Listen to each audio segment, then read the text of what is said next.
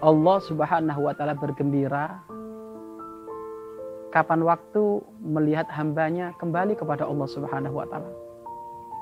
Kegembiraan Allah mengalahkan kegembiraan orang yang menemukan barangnya setelah sekian lama hilang.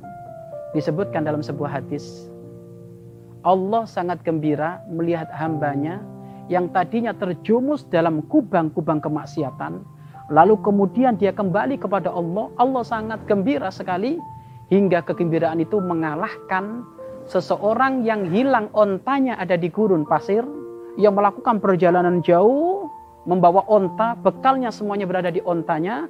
Tatkala ia merasakan kecapean lalu dia berteduh ada di bawah pohon, lalu dia ketiduran. Tatkala dia bangun dari tidurnya, kemudian dia menemukan ontanya hilang.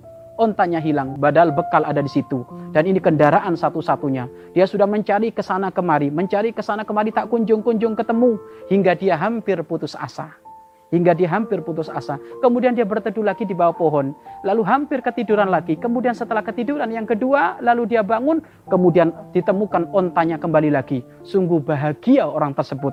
Sang, sampai disebutkan saking bahagianya orang tersebut sampai doanya ketuker.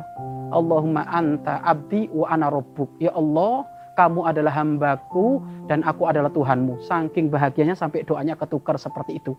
Kebahagiaan yang dirasa oleh hamba tersebut setelah menemukan barangnya hilang lalu balik lagi, ternyata kebahagiaan hamba tersebut jauh lebih bahagia jika Allah melihat hambanya yang tadinya maksiat kembali kepada Allah, nangis kepada Allah, nyesel kepada Allah Subhanahu wa taala. Maka pemirsa yang dirahmati oleh Allah, jangan pernah melihat dosa kita segede apa pun, tapi lihatlah pengampunan Allah yang maha dahsyat, pengampunan Allah yang maha besar.